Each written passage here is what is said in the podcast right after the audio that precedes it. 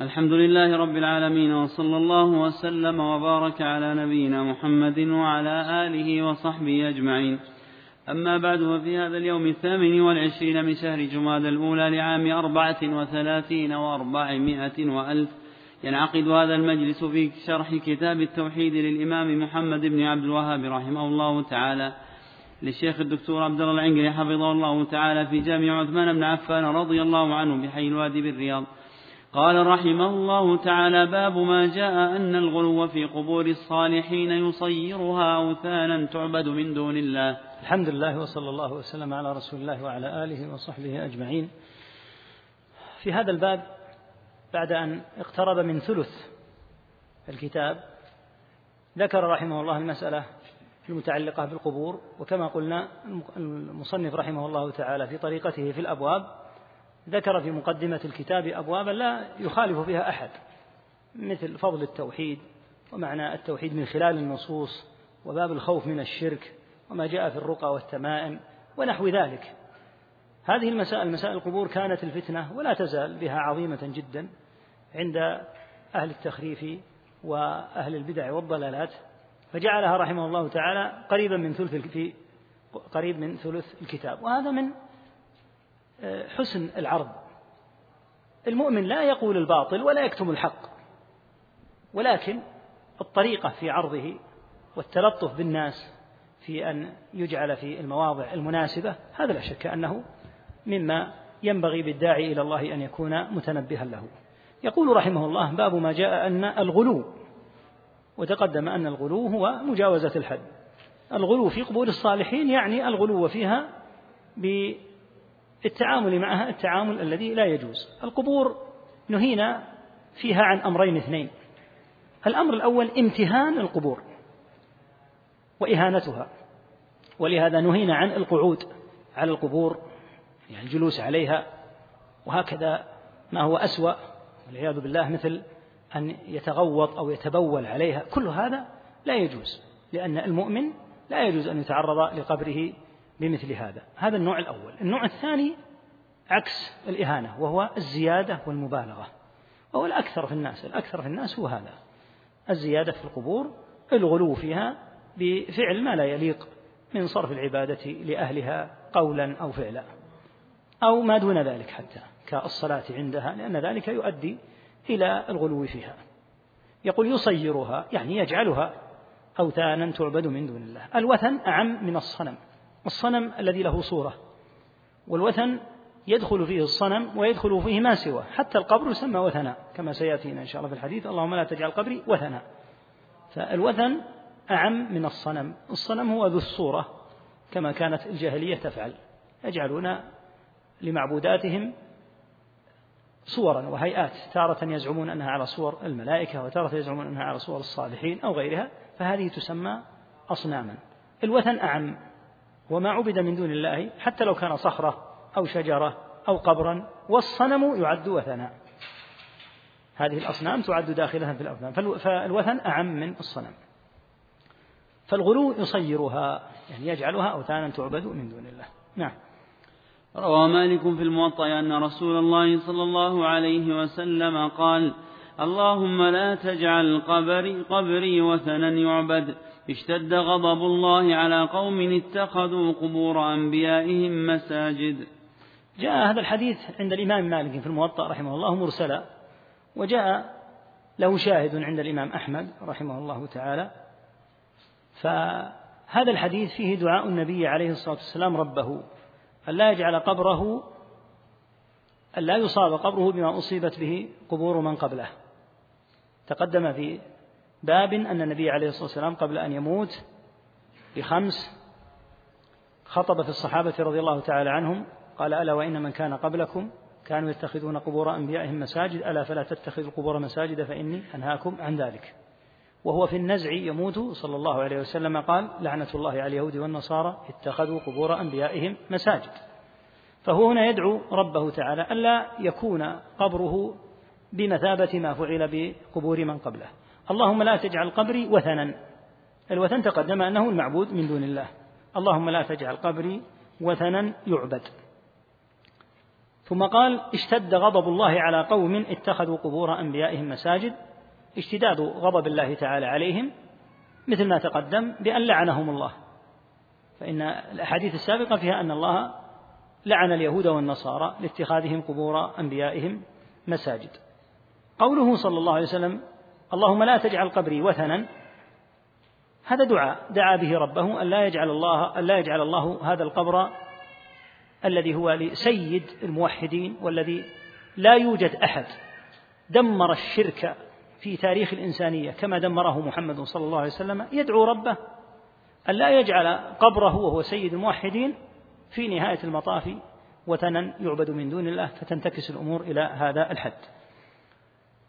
يقول ابن القيم رحمه الله تعالى في النونية فأجاب رب العالمين دعاءه وأحاطه بثلاثة الجدران حتى غدت أرجاؤه بدعائه في عزة وحماية وصيان لأنهم لما أدخلوا القبر كما تقدم في زمن الوليد بن عبد الملك أرادوا ألا يتمكن أحد من الصلاة إلى جهته فعملوا هذه القبور هذه الجدران حتى لا يتمكن أحد حرفوا جدارا وجدارا آخر حتى صار في شكل مثلث.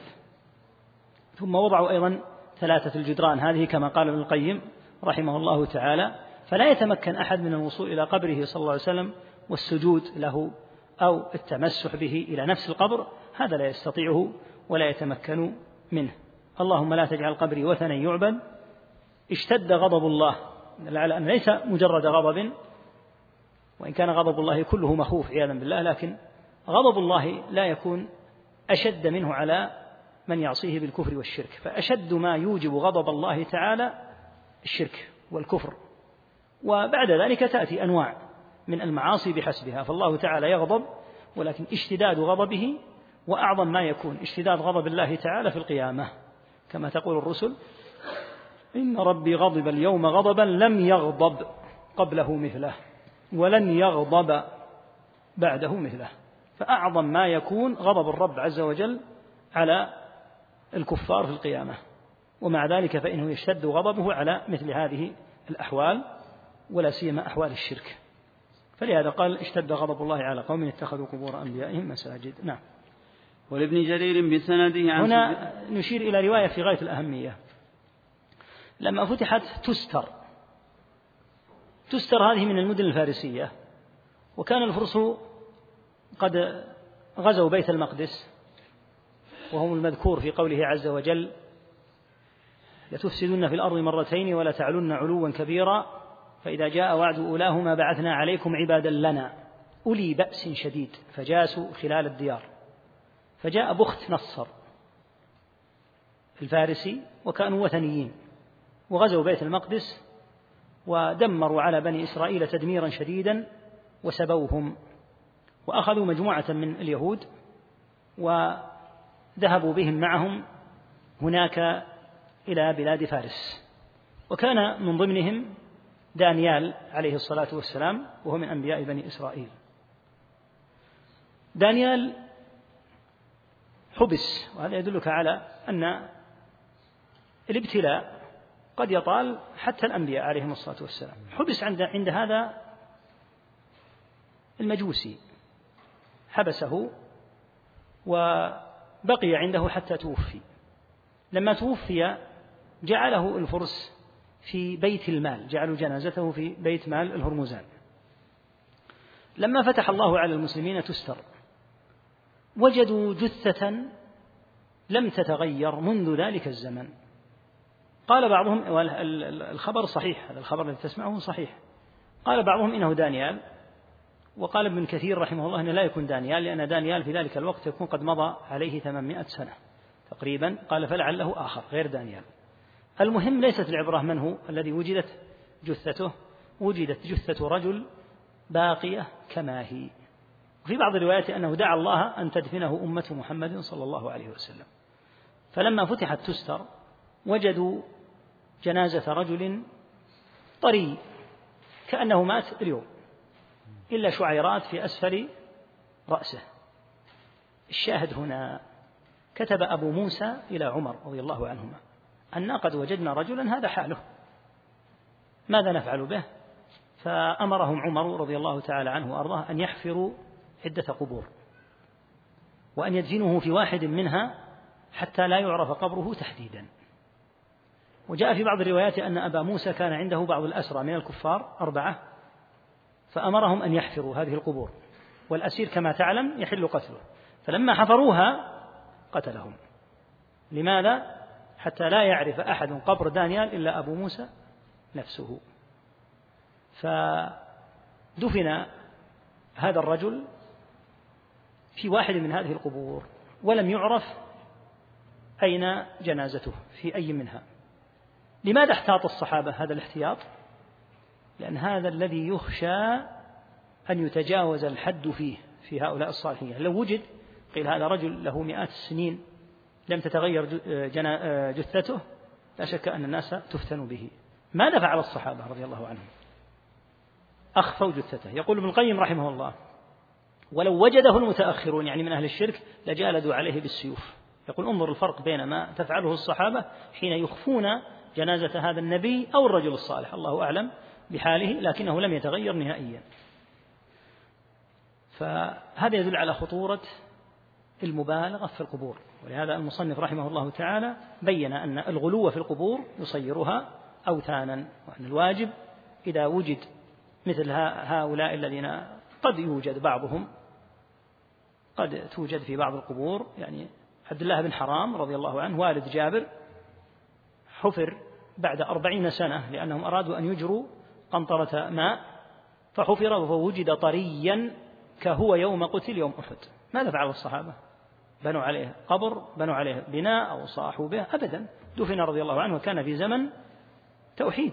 هذه الأمور لا تجري على أولئك في ذلك الزمن. فالحاصل أن الاحتياط في أمر القبور مهم للغاية وأنه إذا وجد من قد يغلى فيه بسبب أن الله تعالى جعل جنز جعل جثته غير متغيرة فإنه ينبغي أن يدفن ويغيب بطريقة لا يعرفها هؤلاء الجهلة. نعم. ولابن جرير بسنده عن سفيان عن منصور عن مجاهد, عن مجاهد أفرأيتم اللات والعزى؟ قال يلت لهم السويق فمات فعكفوا على قبره. وكذا قال أبو الجوزاء أبو الجوزاء يعني ابن عباس كان يلت السويق للحاج. نعم. جاء عن ابن عباس رضي الله عنهما أن المراد باللات لأنها قرأت قراءتان أفرأيتم اللات بالتخفيف؟ وقرأت بالتشديد أفرأيتم اللات؟ قال ابن عباس رضي الله عنهما كان يلت السويق للحاج ويطعمهم. فبعد أن توفي كان عمله هو خدمة الحجيج أدى ذلك إلى أن يعظمه أهل الجاهلية فعكفوا على قبره وعبد بعد ذلك. والعزى تقدم أنه معبود قريش ولهذا قال أبو سفيان في موقعة أحد لنا العزى ولا عزى لكم. قال تعالى أفرأيتم اللات والعزى؟ يعني أنفعتكم ومناة الثالثة الأخرى. يعني هل نفعتكم هذه المعبودات من دون الله؟ هذا تقدير الكلام والآية تقدمت فيما مضى لكن أراد رحمه الله أن يبين الشاهد أن اللات رجل صالح في نظر الذين عكفوا على قبره. هذا كان يلت السويق. فلما مات وكان يطعم الحاج ويلت لهم السويق لما مات عكفوا على قبره وعظموه. نعم. وعن ابن عباس رضي الله عنهما قال لعن رسول الله صلى الله عليه وسلم زائرات القبور والمتخذين عليها المساجد والسرج. رواه أهل السنن. في هذا الحديث لعن النبي صلى الله عليه وسلم لصنفين اثنين. الصنف الأول النساء الزائرات للقبور. والصنف الثاني المتخذين عليها المساجد وهذا تقدم كثيرا الكلام على اتخاذ المساجد على القبور والمتخذين عليها المساجد والسرج. السرج هي التي يضيئون بها المحل قديما فالنبي صلى الله عليه وسلم لعن من أضاء الموضع هذا. القبور الأصل أنها لا توضع ولهذا لا يجوز أن يجعل فيها كما تلاحظ الآن. تلاحظ القبور الآن مظلمة. لماذا لا توصل إليها الكهرباء؟ لأنها لا يجوز لهذا الحديث. لعن رسول الله صلى الله عليه وسلم زائرات القبور والمتخذين عليها المساجد والسرج. لا يصح أن تضاء. وإذا أريد الدفن بالليل فبالإمكان أن تضاء من خلال أنوار السيارات أو نحوها فترة محدودة. أما أن تكون مضاءة كما هو الحال في الشوارع أو في آه، المواضع التي يحتاجها الناس فهذا لا يجوز.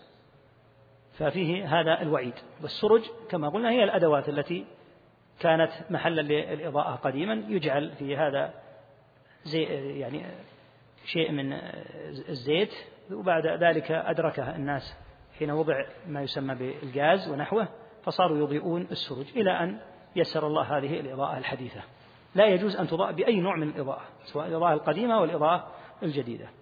في هذا الحديث لعن صنفين اثنين كما قلنا من اتخذوا المساجد والسرج على القبور تعظيما. يعني ما أحد يتخذ المسجد على القبر إلا لتعظيمه وهكذا إذا أضاءه. وكان المشركون يحلفون الواحد منهم يقول لصاحب القبر يقول يا سيدي فلان إن شفى الله مريضي ينظر لصاحب القبر بعض الأحيان يقول فلك عياذا بالله أن أضيء الموضع موضع قبرك. فلهذا تجد المواعظ التي فيها الغلو في القبور تجدهم عياذا بالله على هذا الحال.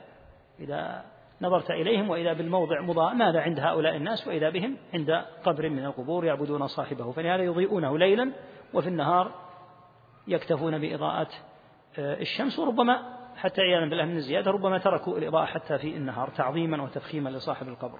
فهؤلاء ملعونون بنص الحديث واتخاذ المساجد تقدم. أما زيارة النساء للقبور فقد اختلف أهل العلم رحمهم الله تعالى فيها فمنهم من قال إنها تجوز لحديث أم عطية رضي الله عنها في البخاري قالت نهينا عن اتباع الجنائز ولم يعزم علينا. ففهمت من النهي أنه ليس نهيا باتا وفيه عزيمة.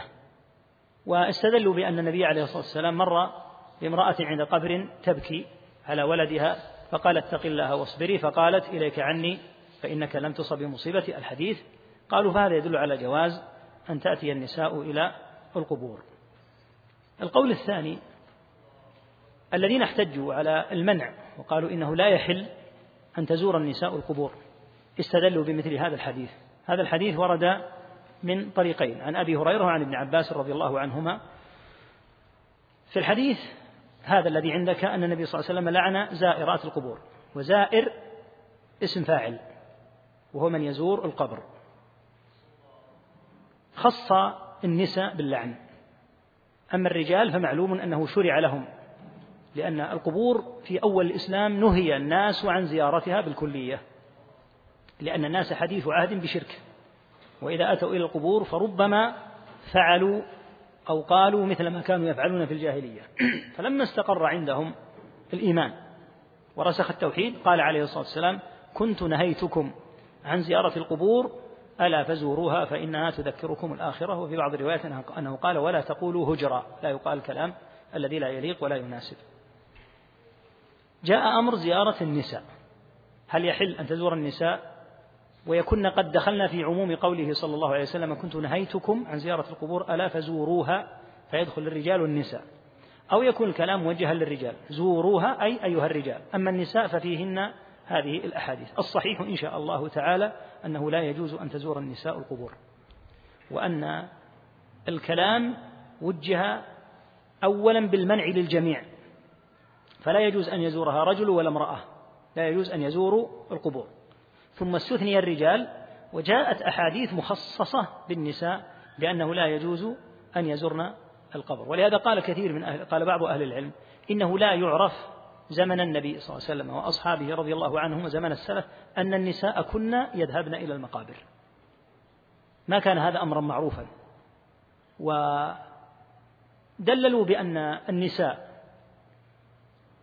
يقع منهن وهن أكثر من يقع منه النياحة. والنياحة عند العرب تكون باللسان وتكون في أفعال. باللسان بالصياح والعويل وذكر محاسن الميت وأنه واجب له ومطعماه ومسقياه وإلى آخره. الثاني وهو الخطير وكلها خطرة جدا أن النساء كان من طبعهن الخبيث وكذا الرجال الذين يفعلون مثل هذا أنهم يعمدون إلى ثيابهم فيشققونها. أنت تعرف أن المرأة إذا شقت ثيابها بدت عورتها.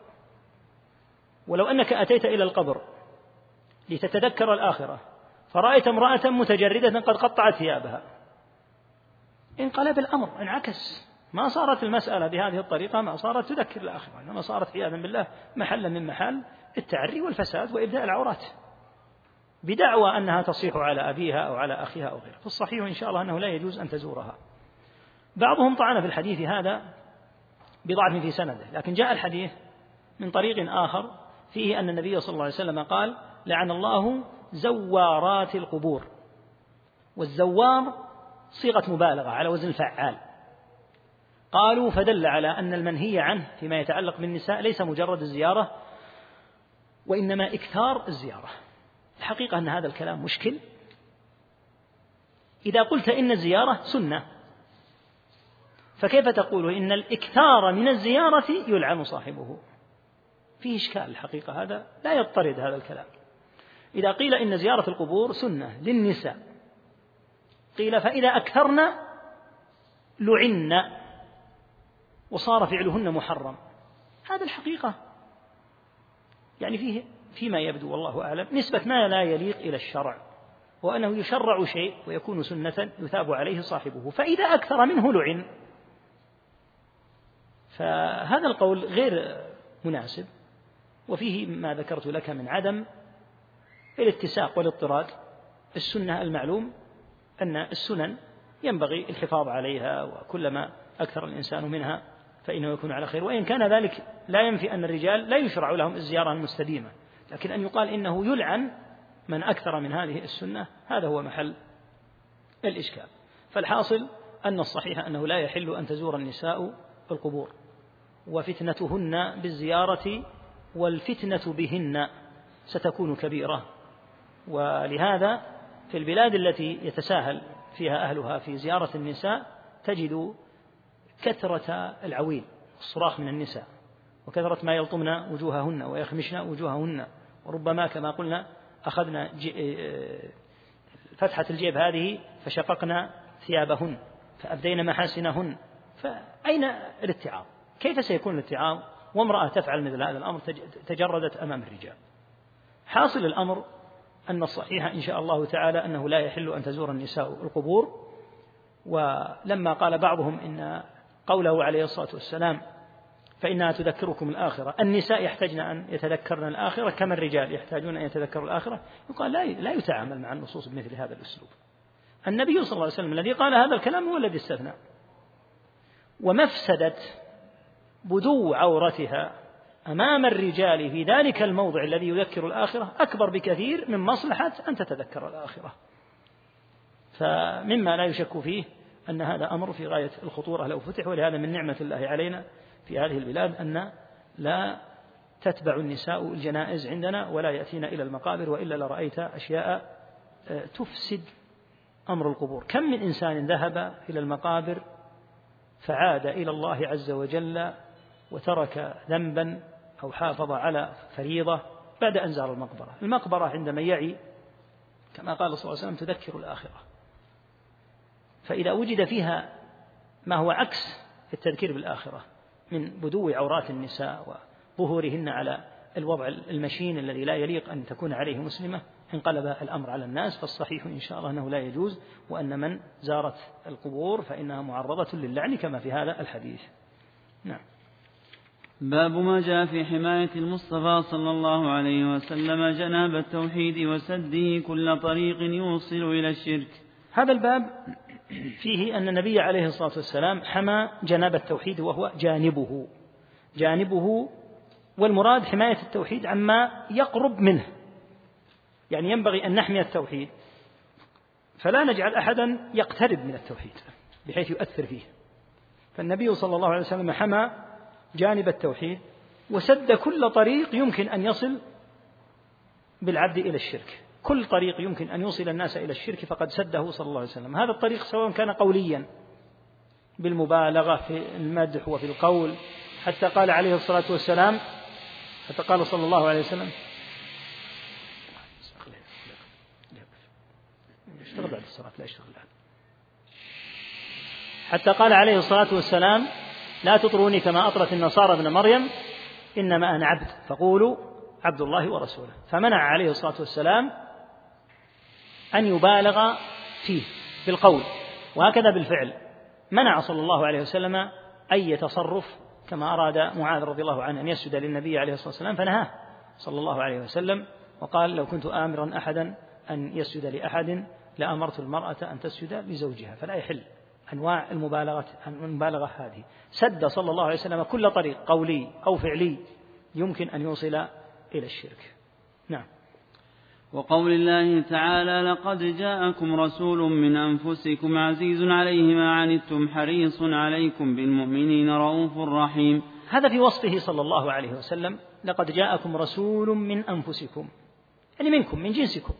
تعرفونه وتعرفون صدقه وتعرفون أمانته وكرم خلقه صلى الله عليه وسلم.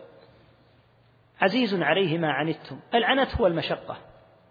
يعز عليه يصعب عليه يعني صعب عليه الشيء الذي يشق عليكم. عزيز عليه ما عنتم. ثم هو فيما يتعلق بكم صلى الله عليه وسلم حريص عليكم. بالمؤمنين رؤوف رحيم. فكان عليه الصلاة والسلام على هذا الوصف الكريم من الله تبارك وتعالى. في هذا الحرص الشديد على أمته والرأفة العظيمة والرحمة بها وفيه أنه يصعب عليه أي أمر يشق على هذه الأمة. كل أمر يشق على الأمة فإنه يصعب عليه صلى الله عليه وسلم. وبذلك يكون ناصحا. لهذا سد كل طريق يوصل إلى الشرك. حمى جانب التوحيد. حياطة وحفاظا على دين الأمة أن يخدش. نعم. عن أبي هريرة رضي الله عنه قال قال رسول الله صلى الله عليه وسلم لا تجعلوا بيوتكم قبورا ولا, تجعلوا, ولا تجعلوا قبري عيدا وصلوا علي فإن صلاتكم تبلغني حيث كنتم. رواه أبو داود بإسناد حسن رواته ثقات. القبور ليست موضعا للصلاة ولا موضعا للقراءة. فلهذا لما أراد صلى الله عليه وسلم التنبيه على أن البيوت ينبغي أن تعمر بالصلاة وبذكر الله قال لا تجعلوا بيوتكم قبورا لأن القبور لا يحل أن يصلى عندها ولا يحل أن تكون موضعا للعبادة. يذهب الإنسان إلى المقبرة يقول اليوم سأقرأ القرآن في المقبرة أو سأسبح وأهلل أو سأصلي. القبور لا يجوز أن تكون مقصدا للعبادة يعني من ذهب إلى القبر ليتعبد عنده ولو لله عز وجل كما تقدم في الباب السابق أنه لا يجوز أن يصلى لله في موضع لا يجوز أن يصلى لله عز وجل في المواضع التي يصلى فيها لغيره كما في آه، خبر مسجد الضرار وهكذا الذبح لا يجوز أن يذبح لله في موضع يذبح فيه لغير الله تبارك وتعالى فالقبور ليست محل العبادة فلهذا لما أراد النبي عليه الصلاة والسلام أن ينبه الأمة إلى ما ينبغي أن تكون عليه البيوت من عمارتها بذكر الله. قال لا تجعلوا بيوتكم قبورا لأن القبور هذا شأنها أنها ليست موضعا للعبادة. فلا تجعل البيت خاليا من الصلاة خاليا من الذكر من قراءة القرآن. ولهذا كان أفضل النوافل أن تؤدى أن تؤدى في البيت. أفضل صلاة العبد أن تكون صلاته في بيته في النوافل. أما الفرائض فيجب أن تكون في المساجد. قال لا تجعلوا بيوتكم قبورا. قال ولا تجعلوا قبري عيدا. ما المراد بالعيد؟ العيد اسم للشيء الذي يعود. كل شيء يعود فإنه يسمى عيدا. ولهذا يوم واحد من شوال يسمى عيدا كلما عاد يوم واحد من شوال جاء عيد الفطر. وهكذا يوم العاشر من ذي الحجة. كلما عاد في أي سنة قيل هذا عيد الأضحى. فالعيد اسم لما يعود. والعيد تارة يكون زمانيا وتارة يكون مكانيا ولا بد في العيد من أعمال. هذه ثلاثة أشياء. وقد تجتمع. فالعيد الزماني مثل ما قلنا في عيد الأضحى وعيد الفطر في زمان محدد. والعيد المكاني حيث يجتمع الناس في مكان. إذا اجتمعوا في مكان فقد, اتخذ فقد جعل هذا المكان موضع عيد. وهو الذي قال عليه الصلاة والسلام ولا تجعلوا قبري عيدا أي لا تجعلوه موضعا تعتادون المجيء إليه والتكرار بالإتيان إليه وهذا يدلك على أنه لا ينبغي الإكثار من زيارة القبر النبوي. زيارته مشروعة قطعا الزيارة بدون شد رحل. لكن أن يجعل الإنسان زيارة القبر النبوي كل ما دخل المسجد النبوي زار القبر. فقال ليس هذا المشروع بلا شك. لأن الصحابة رضي الله تعالى عنهم وأرضاهم ما كان هذا من هديهم. ولهذا كان ابن عمر رضي الله عنهما إذا أتى من سفر إذا أتى من سفر أتى قبر النبي صلى الله عليه وسلم وقال السلام عليك يا رسول الله السلام عليك يا أبا بكر السلام عليك يا أبتي هو عمر ثم انصرف. فكونه يعتاد دائما كلما دخل المسجد اتجه إليه كأنه سنة لا بد أن يتجه إليه لا شك أن هذا ليس بمشروع. أيضا العيد يكون فيه أعمال معينة. كما تلاحظ في أعمال عيد الأضحى وعيد الفطر. أول أعمال عيد الأضحى آه، عيد الفطر أن تخرج زكاة الفطر قبل الصلاة قبل صلاة آه، العيد. يعني بعد الفجر وقبل صلاة العيد هذا أفضل ما تخرج فيه. ثم هناك الصلاة صلاة العيد على الهيئة المعروفة. وفي جملة من الأعمال معروفة في العيد. وهكذا عيد الأضحى. أول ما يبدأ به يبدأ بصلاة العيد. ثم فيه كما هو معلوم ذبح الأضاحي ونحرها. أيضا في عيد الفطر يشرع أعمال. من ضمنها وهي سنن. بعضها يكون سنن وبعضها واجبات. يشرع أن يأكل المؤمن تمرات يأكلهن وترا قبل أن يذهب إلى المصلى. فلاحظ أن العيد فيه أعمال. كل عيد فيه أعمال. واعلم أنه لا يجوز بتاتا إحداث أي عيد نهائيا غير عيد الفطر وعيد الأضحى. أيا كان اسمه نهائيا مهما عدت. وطن ميلاد آه، سمه ما تسمه. ليس هناك بتاتا إلا هذان العيدان. فإحداث عيد آخر ينافس وهذا هو محل الإشكال الآن في مثل هذه الأعياد. أو عيد وإن لم يسمى عيدا هو يسمى عيدا لأن ماذا قلنا العيد؟ العيد هو الشيء الذي يعود. يقول لك إذا ولد ابني وأكمل السنة آه، الأولى أو الثانية أو الثالثة يقول لك أضع له عيدا. هذا هو الإشكال.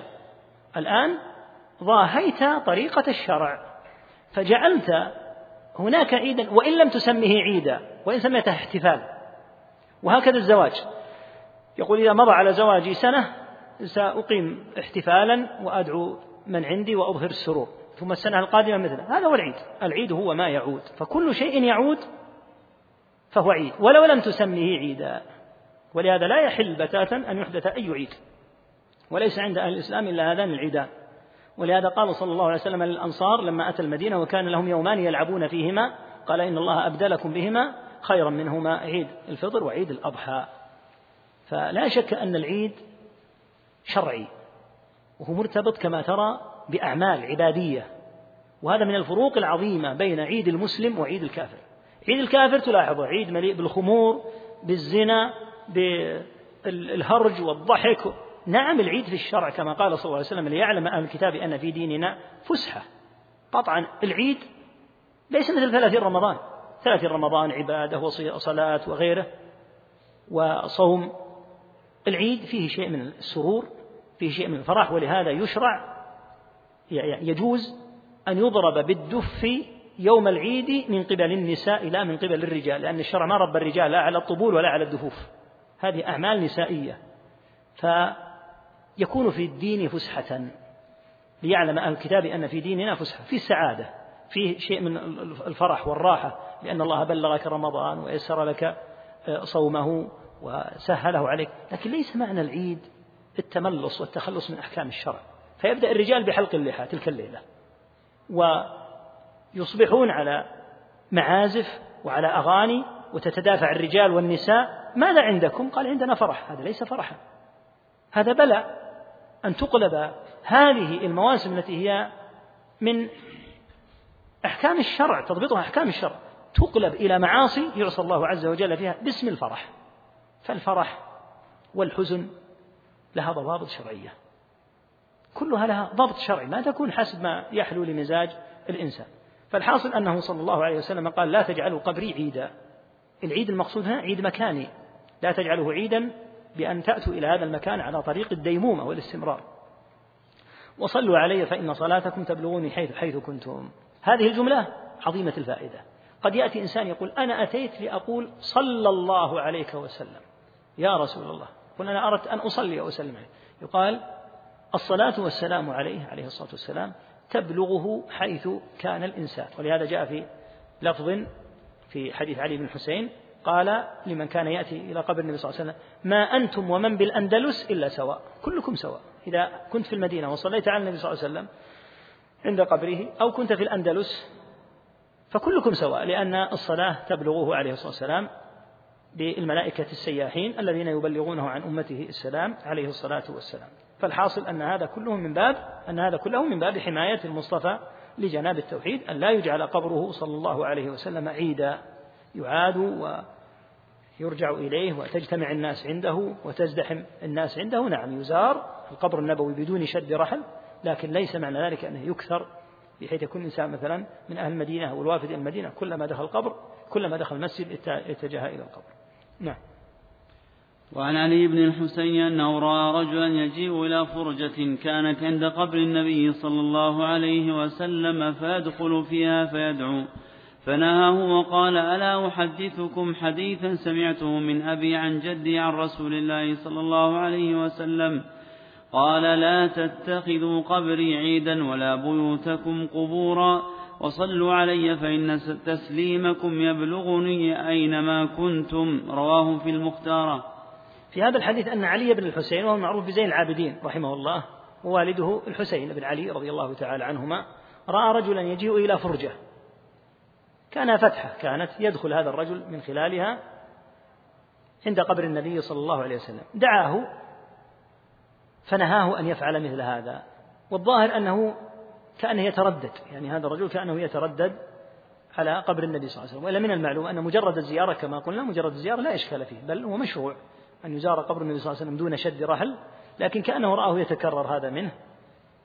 فقال ألا أحدثكم حديثا سمعته من أبي أي الحسين عن جدي رسول الله صلى الله عن جدي علي نعم عن جده علي رضي الله عنه عن رسول الله صلى الله عليه وسلم إن رسول الله صلى الله عليه وسلم أيضا جده لكنه جد أبيه.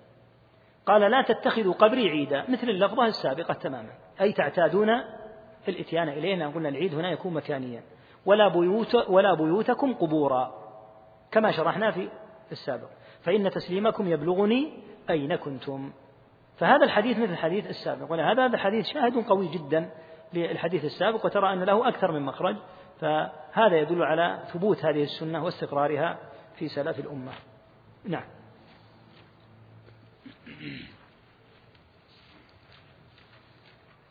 باب ما جاء أن بعض هذه الأمة يعبد الأوثان. ذكر رحمه الله تعالى هذا الباب ليبين أو ليبدد وهما عند الذين لا يفقهون ممن يقعون في يقعون في الشرك ثم يقولون إن النبي صلى الله عليه وسلم أخبر أن هذه الجزيرة لا يمكن أن يقع فيها شرك بزعمهم.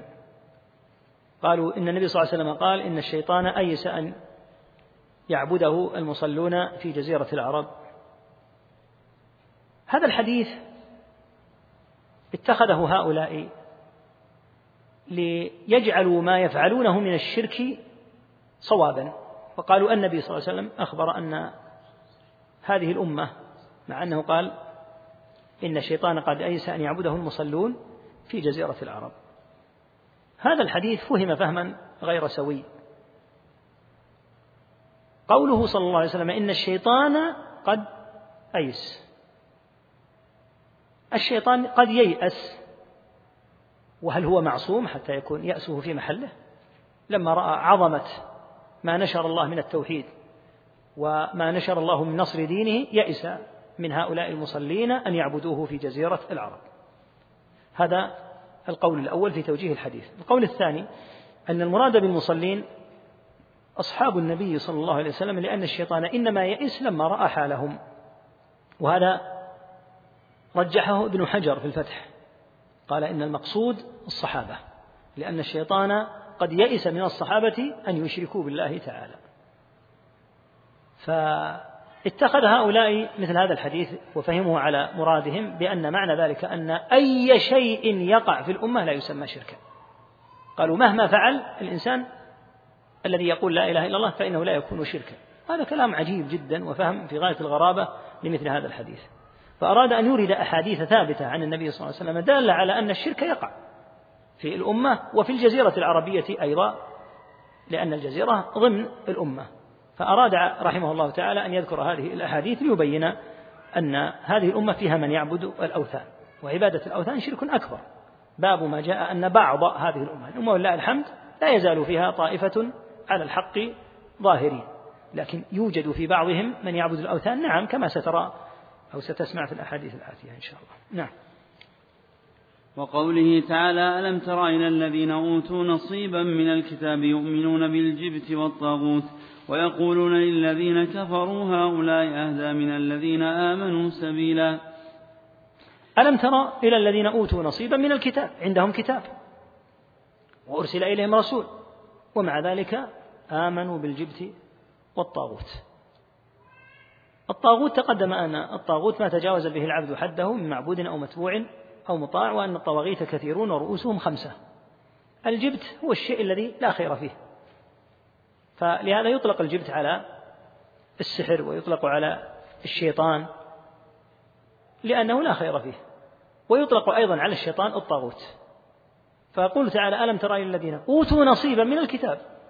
جاءهم من عند الله تعالى كتاب وأرسل إليهم رسول. ومع ذلك انخلعوا والعياذ بالله مما جاءت به الرسل عليهم الصلاة والسلام وآمنوا بالجبت والطاغوت. إذا آمن بالجبت والطاغوت فالإيمان بالجبت والطاغوت مضاد للإيمان بالله لأن الله تعالى يقول فمن يكفر بالطاغوت ويؤمن بالله فقد استمسك بالعروة الوثقى فإذا عكس فآمن بالطاغوت فإنه يكون قد كفر بالله عياذا بالله.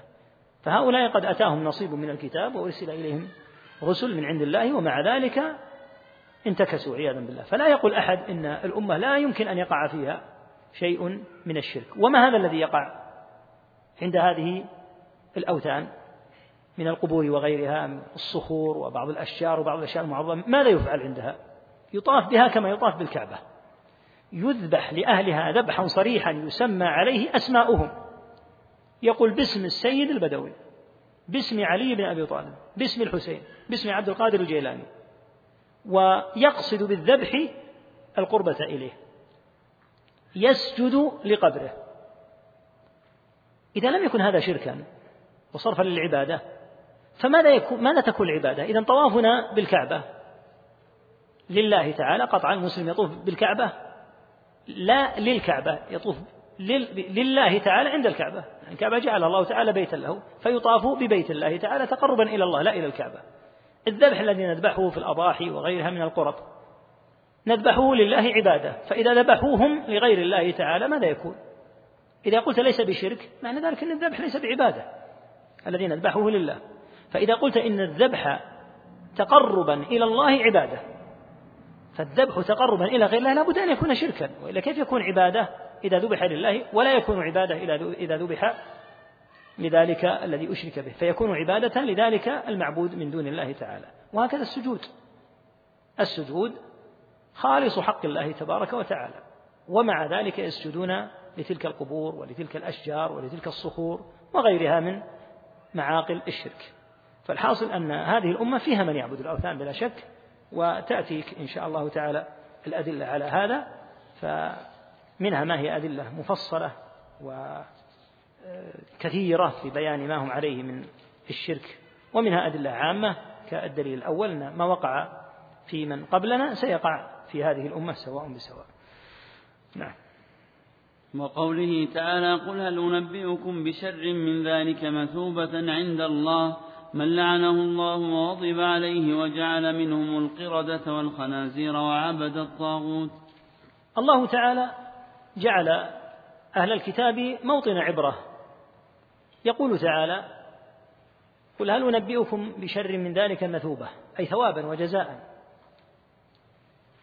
عند الله من لعنه الله وغضب عليه وجعل منهم القردة يعني مسخهم عياذا بالله قردة وخنازير. وعبد الطاغوت. من هم هؤلاء؟ هؤلاء بنو إسرائيل. بنو إسرائيل ألم يرسل لهم رسل؟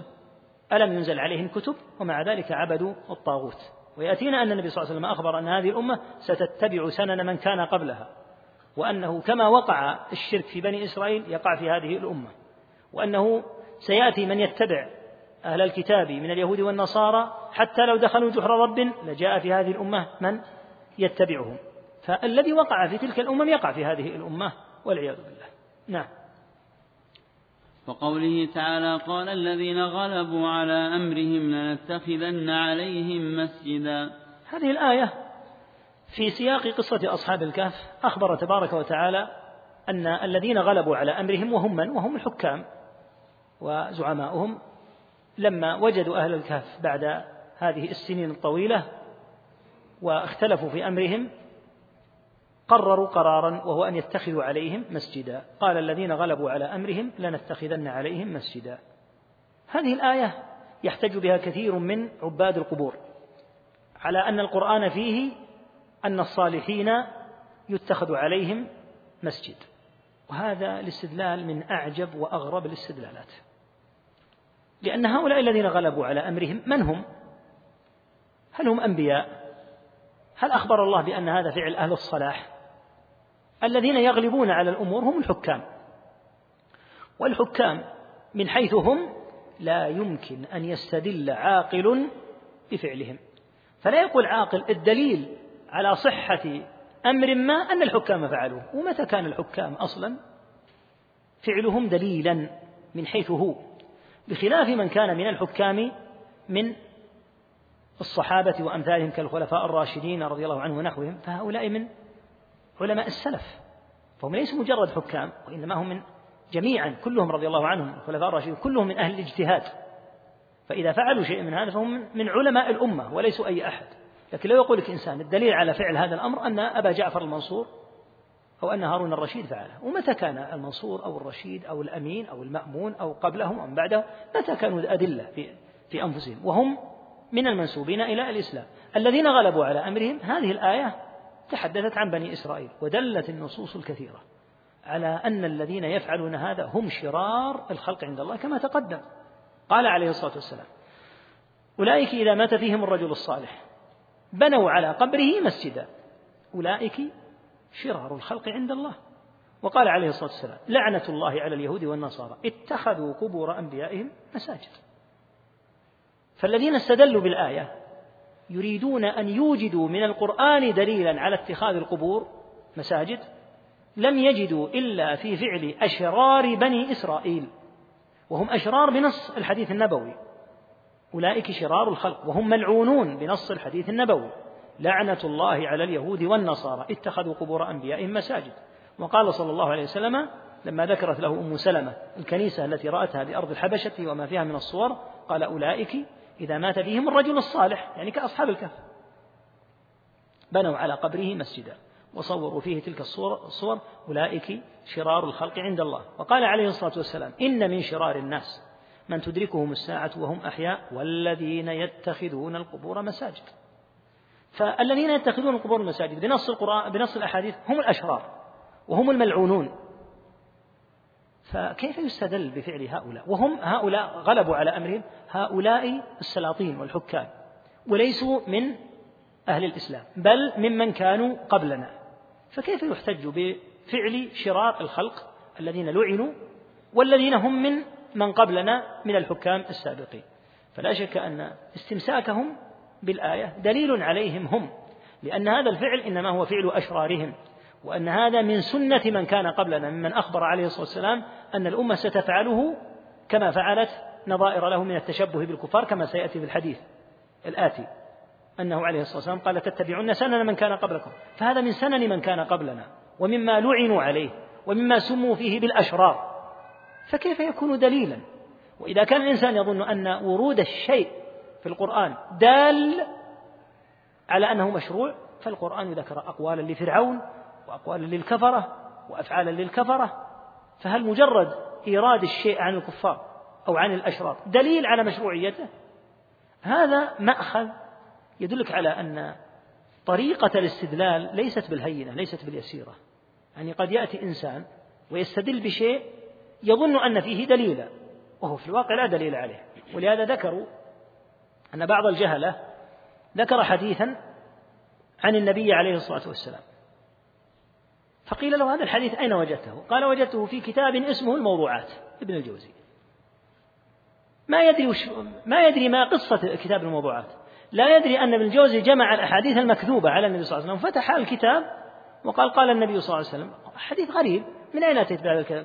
قال الكتاب هذا عن النبي صلى الله عليه وسلم جمع أحاديثه لابن الجوزي وحدثني بعض الأفارقة أن بعض المغررين بالمساكين من هؤلاء الجهلة يقول إنهم يقولون عندنا نحن نفعل الشيء إذا وجدناه في القرآن يقول فعندهم ورد صوفي يقول العامي الساذج الجاهل أين الدليل على الورد هذا؟ يقول يفتحون قوله تعالى عياذا بالله يقدم قومه يوم القيامة فأوردهم النار وبئس الورد المورود يقول فيفتح القرآن يقول الورد هنا موجود. جاهل أعجمي ما, ما يستطيع أن يعرف إيش معنى الورد وأنها في النار.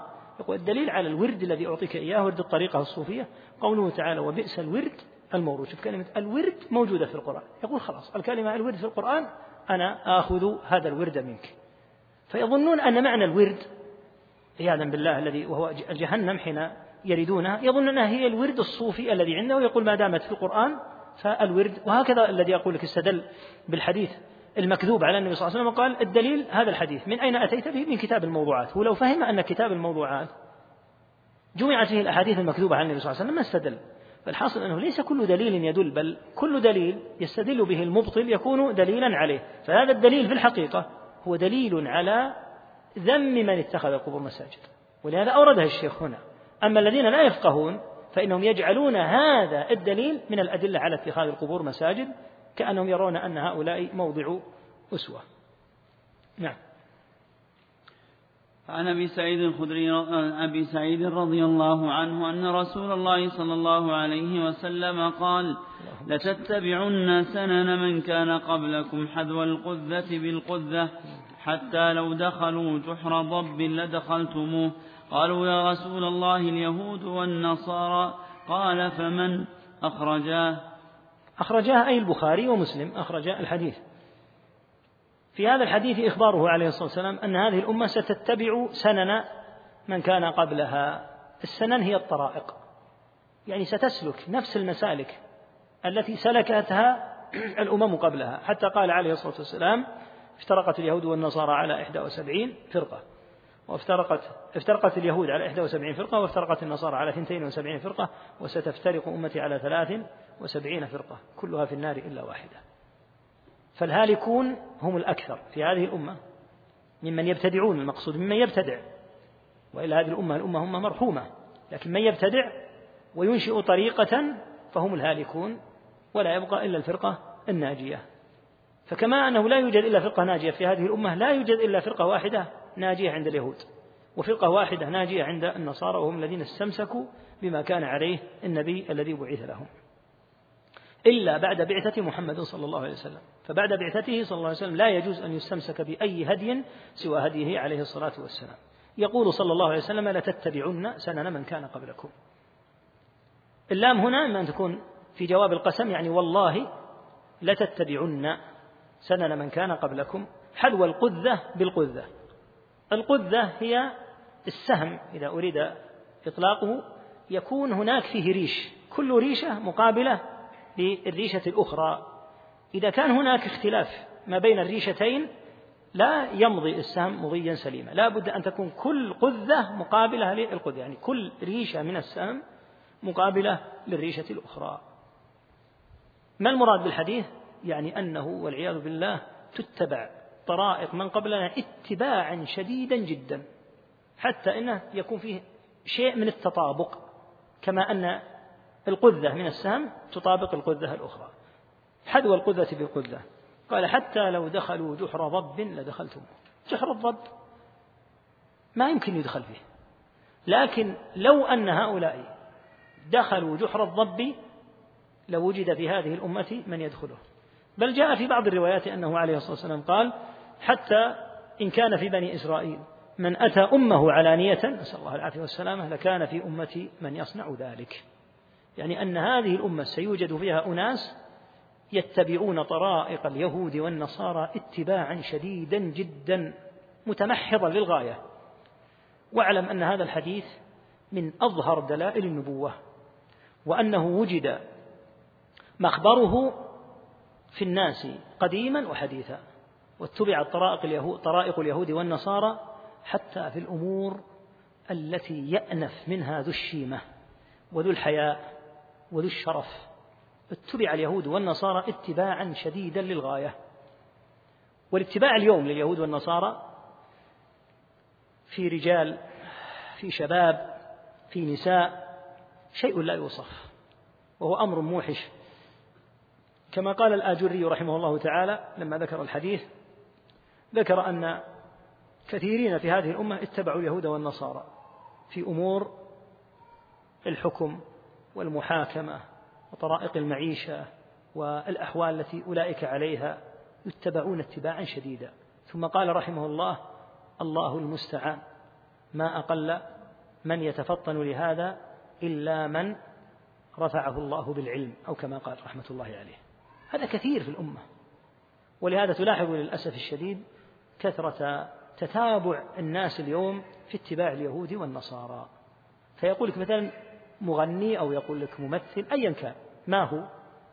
يهودي أو نصراني. ولهذا من العجائب أنك تلاحظ أكثر الاتباع لما عياذا بالله انسلخوا من اتباع القدوة صلى الله عليه وسلم تلاحظ أن أكثر اتباع اليهود والنصارى. يقل يوجد لكن يقل أن يوجد من يتبع مثلا أهل الصين أهل الهند. أهل اليابان. هذا ملاحظ أن أكثر اتباع اليهود والنصارى باسم الغرب باسم أمريكا باسم بريطانيا في النهاية يهود أو نصارى. ولهذا لما قال النبي صلى الله عليه وسلم يا رسول الله اليهود والنصارى قال فمن القوم إلا أولئك. في بعض الروايات أنه قال فمن وفي بعض الروايات أنه قال فمن القوم إلا فمن القوم إلا أولئك. فيكون الاتباع الشديد لهؤلاء القوم. وهذا لا شك أنه نذير خطر للغاية وأن على الأمة أن تربي صغارها وصغيراتها على التأسي بالسلف الصالح رضي الله تعالى عنهم وأرضاهم لأن هؤلاء الصغار قلوبهم فارغة تملأ بالذي يوضع فيها فإذا عظم أمامها أي شخص عظموه وسلكوا مسلكه. فإذا جعلت الأسوة في رسول الله صلى الله عليه وسلم في أمهات المؤمنين بالنسبة للنساء في الصحابة عظم الواحد منهم هدي النبي صلى الله عليه وسلم وهدي سلفه ومضى عليه. إذا غفل عنهم ملئت بهؤلاء الأوباش من اليهود والنصارى وصاروا موضع التقليد. ولهذا هذا هذه الأشياء التي تراها من مظاهر في الشعر مظاهر في اللباس ومظاهر في آه، أحوال في غاية الدناسة للأسف الشديد. هي بسبب أن هؤلاء عظموا أولئك القوم فصاروا يتبعونهم حتى في الأمور آه، المنتنة السيئة. قال حتى لو دخلوا جحر رب لدخلتموه. ففي الناس من عنده استعداد لتقليد هؤلاء حتى في الأمور المرغوب عن ذكرها الأمور الدنسة الوقحة القبيحة. وهذا يدلك على أن الانفتاح على الكفار خطأ كبير وأنه يخشى على الأمة غاية الخشية. ومن هنا فإن الأمة كلما كانت بعيدة عن الانفتاح على الكفار كلما قل تسرب الشر لها. خذ على سبيل المثال مسألة واحدة وهي الانتحار. الانتحار ما كنا نسمع به في سنين صغرنا أبدا ولا نعرف بتاتا أن أحدا قتل نفسه نهائيا. وليس هذا من مئة سنة ولا من سبعين سنة فترات قريبة.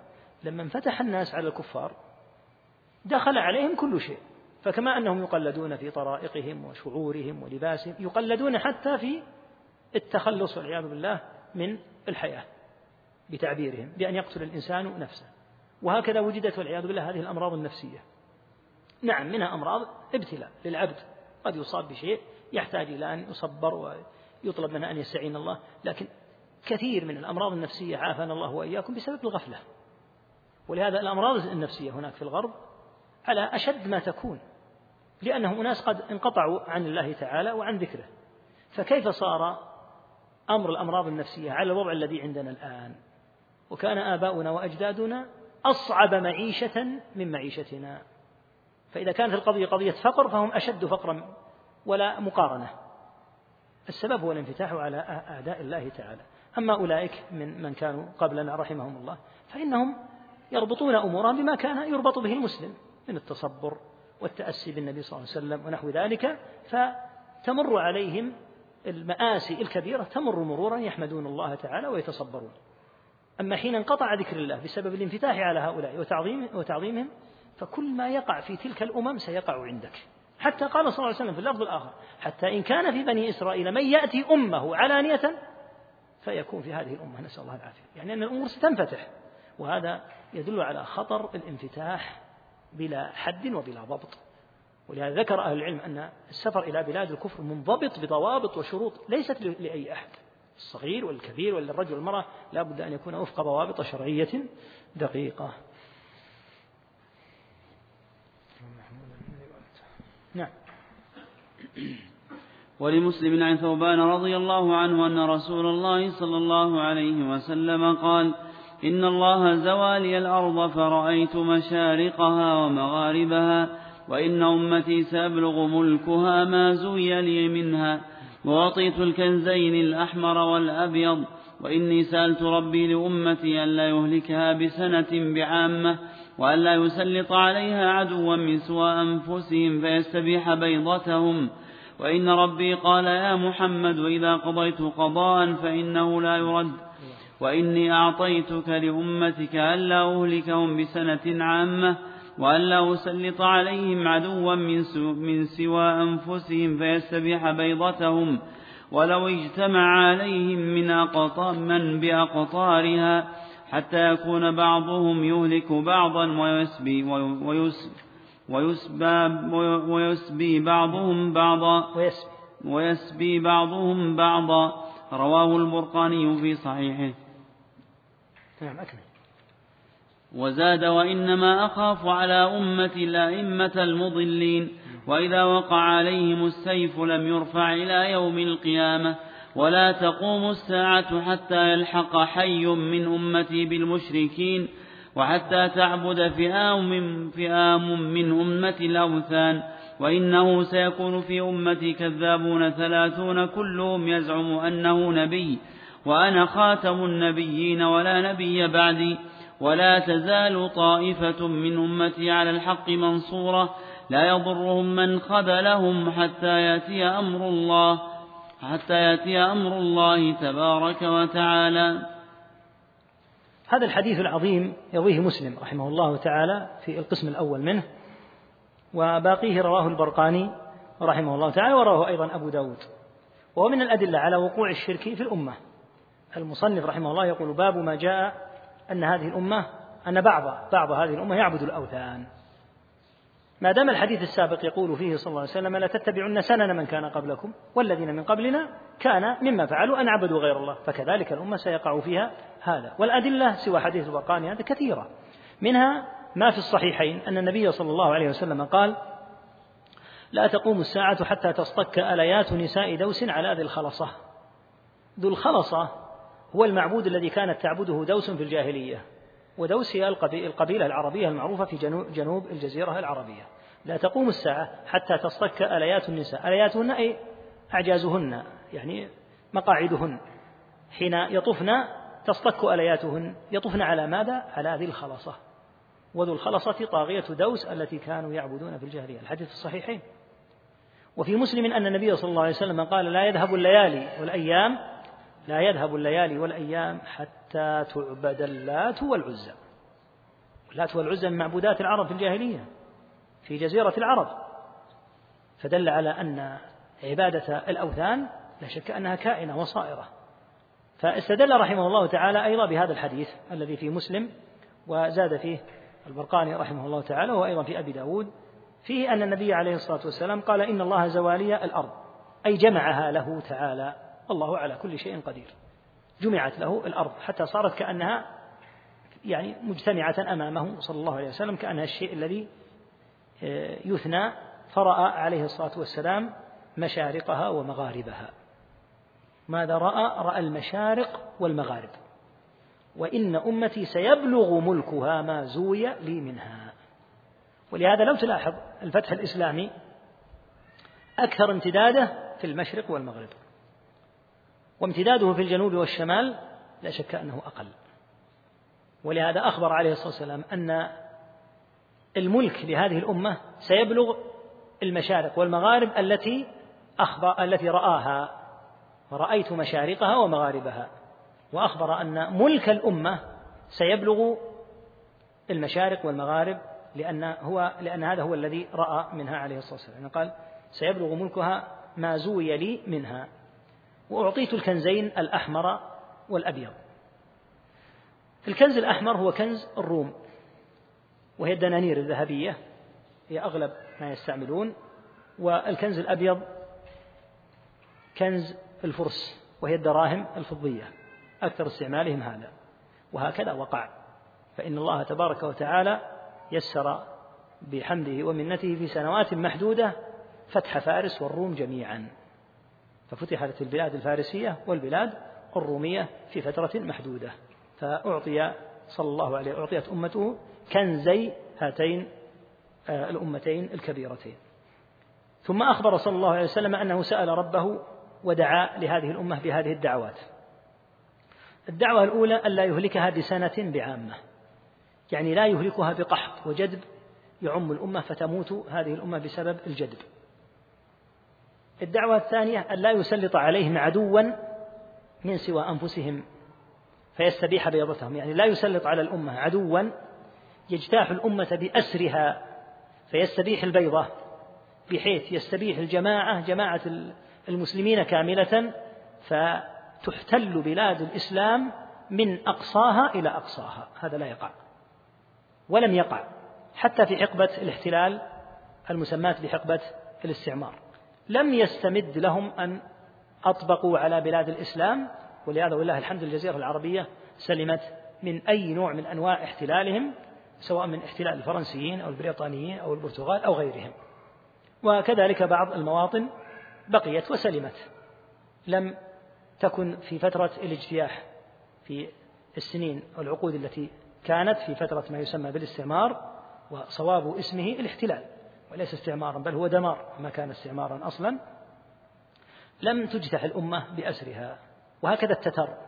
لما اجتاحوا من المشرق حتى دخلوا بغداد اجتاحوا كل تلك البلاد حتى وصلوا إلى بغداد وأسقطوا دولة الخلافة. ثم أرادوا أن يستمروا حتى يصلوا إلى الشام فأوقع الله عز وجل بهم وقتلوا مقتلة عظيمة في عين جالوت وفي شقحب ولم يستطيعوا أن يمتد ملكهم. وهكذا الحملات الصليبية السابقة. أراد الصليبيون أن يجتاحوا البلاد الإسلامية. نعم احتلوا مواضع من الشام ومن مصر لكن أولا لم يجتاحوا جميع البلاد ومع ذلك أخرجوا صاغرين بحمد الله تعالى. قال وإن ربي قال لي قال يا محمد إني إذا يا محمد إذا قضيت قضاء فإنه لا يرد. الله تعالى إذا قضى قضاء فلا يمكن أن يرد ولا راد لما قضيت. وإني أعطيتك لأمتك يعني مما سألت ألا أهلكهم بسنة بعامة. لا يأتي جدب يهلك الأمة بأسرها. وألا أسلط عليهم عدوا من سوى أنفسهم يعني عدو خارجي ليس من داخل الأمة فيستبيح بيضتهم ويجتاحهم جميعا اجتياحا تاما. ولو اجتمع عليهم من بأقطارها. يعني حتى لو اجتمع كل ما من في أقطار الأرض بجميع الأمم لا يمكن أن يجتاحوا المسلمين اجتياحا تاما بحيث تذهب جماعة المسلمين وبيضتهم. حتى يكون بعضهم يهلك بعضا ويسبي بعضهم بعضا. هذا هو الذي يقع. وقد وقع كثيرا في الأمة مثل هذا. أن يسلط الرب تعالى بعض الأمة على بعض. وقد حذر الله تعالى بأنه يعاقب بمثل هذا. فقال سبحانه قل هو القادر على أن يبعث عليكم عذابا من فوقكم أو من تحت أرجلكم أو يلبسكم شيعا ويذيق بعضكم بأس بعض. أو يلبسكم شيعا كما قال ابن سعدي أن يخلطكم في الفتنة وتعم الفتنة عياذا بالله فيذيق المسلمون بعضهم بأس بعض. فتجد المسلم يقتل المسلم وتجد المسلم يسبي المسلم. فتكون المسألة فيما بين المسلمين. هذه تقع. والاجتياح الكامل من قبل الكفار. للأمة هذا لا يمكن أن يقع لكن احتلال المسلم الكفار لبعض بلاد المسلمين وغلبتهم للمسلمين هذا يقع لا شك. لكن المقصود الاجتياح الكامل بحيث يزيل جماعة المسلمين هذا بحمد الله تعالى لا يقع. لكن ما الذي يقع؟ الذي يقع هو أن المسلمين يكون بأسهم بينهم والعياذ بالله. فيستبيح المسلم من أخيه ما لا يستباح إلا من الكفار فتجده يسبيه وتجده آه، يستحل دمه وماله فهذا يقع والله المستعان. هذا لفظ الحديث في مسلم.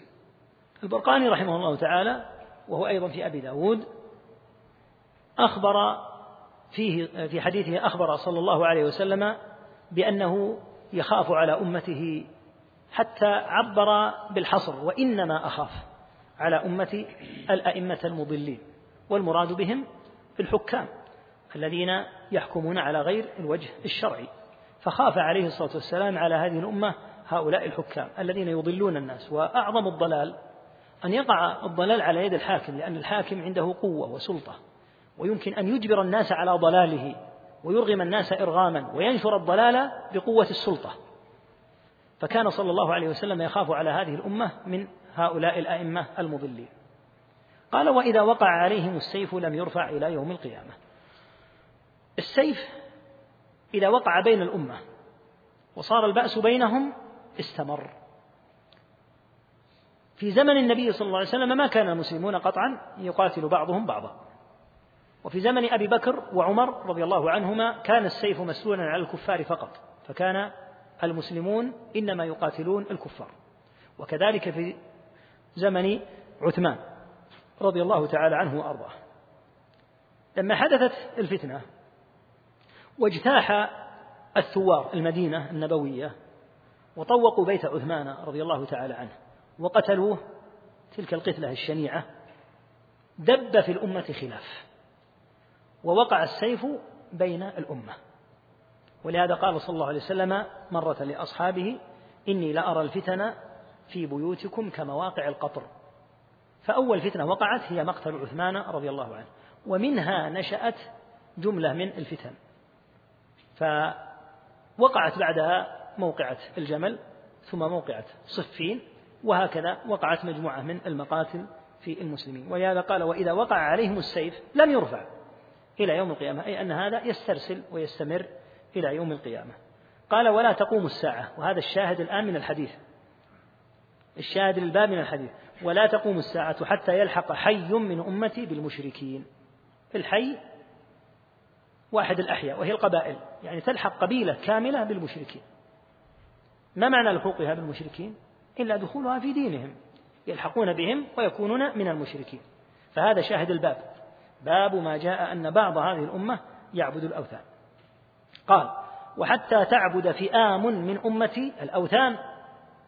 وعبادة الأوثان قطعا شرك أكبر. وقوله فئام أي جماعات يعني أن هذه ليست ظاهرة محدودة.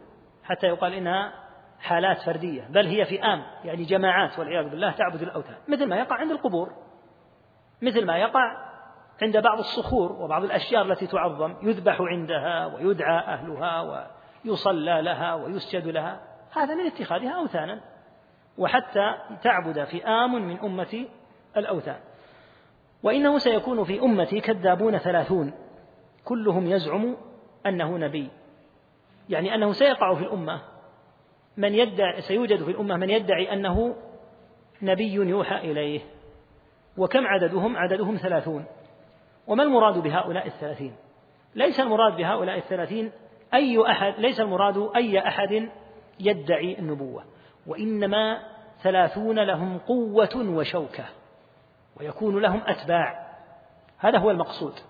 كما وقع مثلا في زمن مسيلمة الكذاب وزمن آه، من مسيلمة ومن سجاح ومن الأسود العنسي في اليمن ومن طليحة الأسدي في بني أسد. أناس لهم شوكة. ادعى أحد النبوة وقام معه عدد كبير من الناس وقاتلوا واعتقدوا فيه النبوة. ومن أواخرهم عدو الله ربيب الإنجليز غلام أحمد القادياني الذي له طائفة تسمى القاديانية يعتقدون أنه نبي يوحى إليه ولهم عدد في الهند وفي أفريقيا يعتقدون والعياذ بالله أنه نبي يعتقدون في غلام القادياني أنه نبي من الأنبياء. فالمقصود بهؤلاء الثلاثين من لهم شوكة ولهم أتباع. قال أهل العلم فأما مجرد أن يدعي هذا شخص به نوع من الجنون أو به نوع من المرض أو الخبل قالوا فهؤلاء كثير ولا اعتداد بهم بل ربما بعضهم مرفوع عنه القلم حتى لو ادعى الربوبية. وليس له تابع بل ربما كان محل ضحك من قبل الناس مع أنه لا ينبغي مثل هذا لكن لا أحد يتبعه. فهؤلاء كثير يظن الواحد منهم أنه أوحي إليه إما لوجود مس من الجن به أو لوجود خبل في عقله وكونه مجنونا. فهؤلاء لا يعدون يقال خرج واحد من هؤلاء الثلاثين. المقصود بالثلاثين من لهم أتباع ويكون لهم شوكة وقوة. كلهم يزعم أنه نبي وأنا خاتم النبيين لا نبي بعدي أخبر عليه الصلاة والسلام بما أخبر الله به. وما محمد إلا رسول قد خلت ما كان محمد أبا أحد من رجالكم ولكن رسول الله وخاتم النبيين. فليس بعده نبي بتاتا وليس بعد دينه أي دين. ومن لقي الله بغير دينه فهو في الهالكين. ومن يبتغي غير الإسلام دينا فلن يقبل منه وهو في الآخرة من الخاسرين.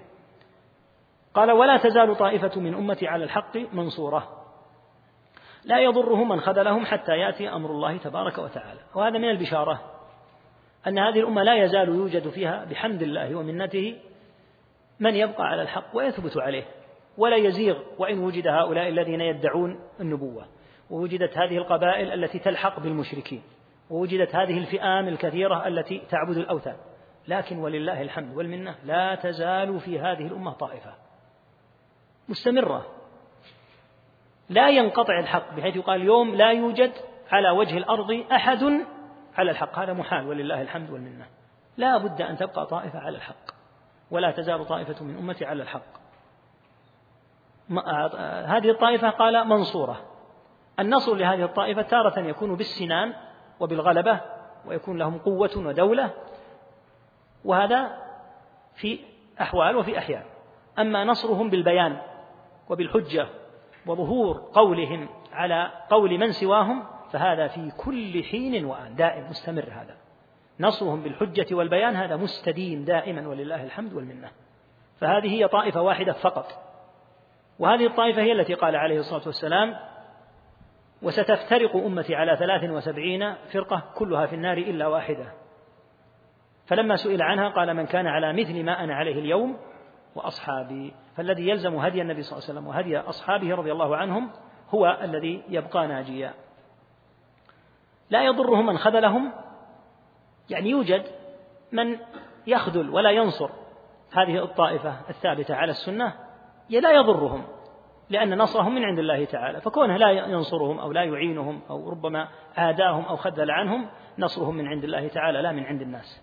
لا يضره من خذلهم حتى يأتي أمر الله.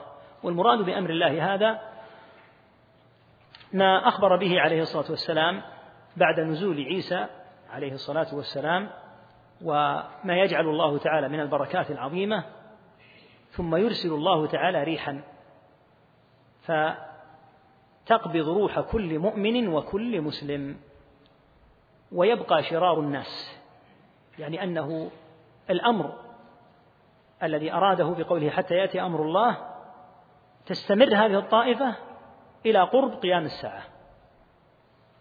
فإذا قبض هؤلاء ولقوا الله تعالى بقي على وجه الأرض أشرارها. كما في الحديث إن من شرار الناس من تدركهم الساعة وهم أحياء. فالذين تقوم عليهم الساعة هؤلاء كلهم لا يكونون من المسلمين. ولهذا أخبر صلى الله عليه وسلم أنه بعد أن يرسل الله تعالى هذه الريح قال ويبقى شرار الناس يتهارجون فيها تهارج الحمر فعليهم تقوم الساعة. وهؤلاء يعودون كما في مسلم أيضا يعودون لدين آبائهم يعبدون الأوثان. فلا يبقى على وجه الأرض ذاك الوقت مسلم أبدا. فهذا هو المراد بقوله حتى يأتي أمر الله وهم على ذلك. الأخ يسأل يقول رأيكم في مشروع؟ السلام عليك أيها النبي. هذا المشروع الذي ابتكره لم يسأل أصلا أهل العلم ولو أنصف واتقى الله عز وجل لجعل المسألة مسألة مشهورة. هو يعلم أن في البلد من هو أعلم منه ومن هو أكبر منه سنا وأولى بأن تكون هذه الأمور محل مناقشة. من كان عنده شيء من المسائل هذه أو الأفكار هذه فقبل أن يحدثها ويوجدها في الناس فعليه أن يسأل من هو أعلم منه. قال الله تعالى وفوق كل ذي علم عليم. فأما أن تفتح مثل هذه المشاريع على الناس باختراع وابتكار شخص معين فلا شك أن هذا من الغلط البين. ومن ما يوجد الشر في مثل هذه الأفكار مع ما فيها من الابتداع لا شك أنها ابتداع وأنها قد تكون من وسائل الشرك بلا ريب كما أفتى بهذا كبار أهل العلم. من المشاكل في مثل هذه المشاريع أنها تسبب شيئا من الخلاف وشيئا من النزاع. والشرع أتى بقطع دابر ما يؤدي إلى النزاع بين أهل الإسلام. فكان الواجب على صاحب هذا المشروع أن يأتي وعنده كبار أهل العلم وأن يسألهم ويشاورهم.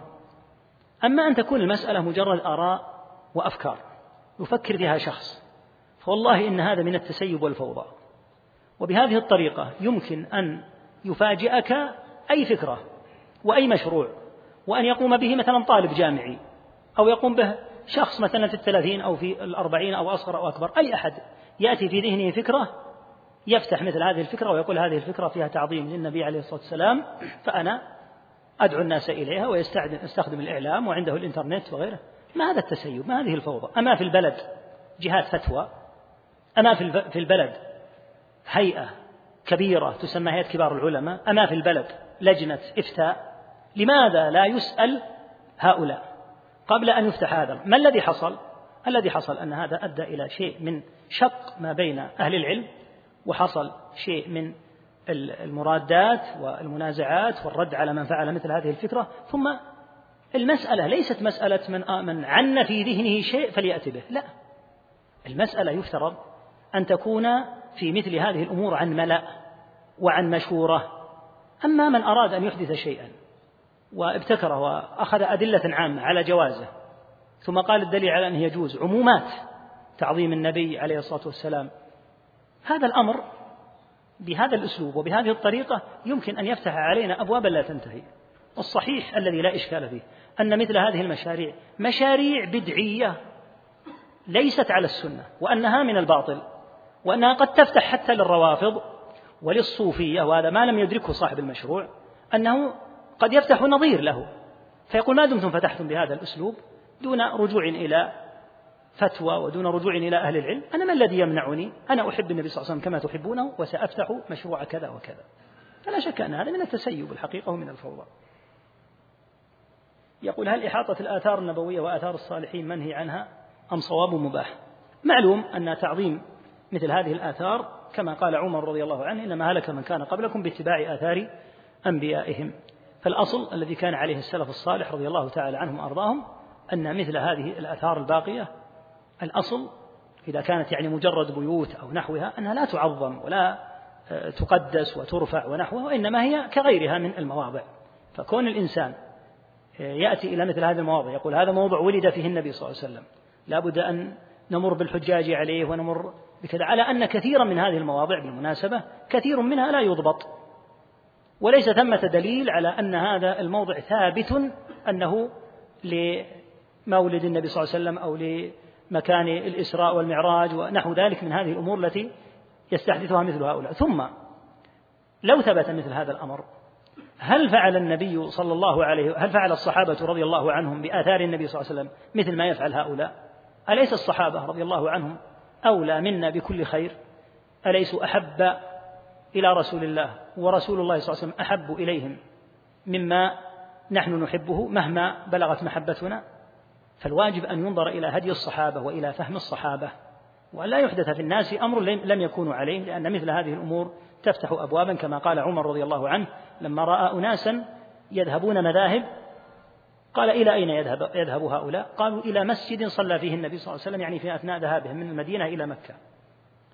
قال إنما هلك من كان قبلكم باتباع آثار أنبيائهم. فمن أدركته الصلاة في شيء من هذه المساجد فليصلي وإلا فليمضي. يعني لا تتخذها طريقة. هنا الموضع الذي صلى فيه النبي صلى الله عليه وسلم في الطريق في البرية سآتي وأصلي فيه النبي صلى الله عليه وسلم. إنما صلى فيه مصادفة بلا شك. حين نزل صلى. ولو صلى ولو نزل في موضع آخر لصلى فيه. ولهذا قال فمن أدركته الصلاة منكم في هذه المساجد فليصلي وإلا فليمضي. إنما أهلك إنما هلك من كان قبلكم باتباعهم آثار أنبيائهم. والله تعالى أعلم. وصلى الله وسلم على نبينا محمد.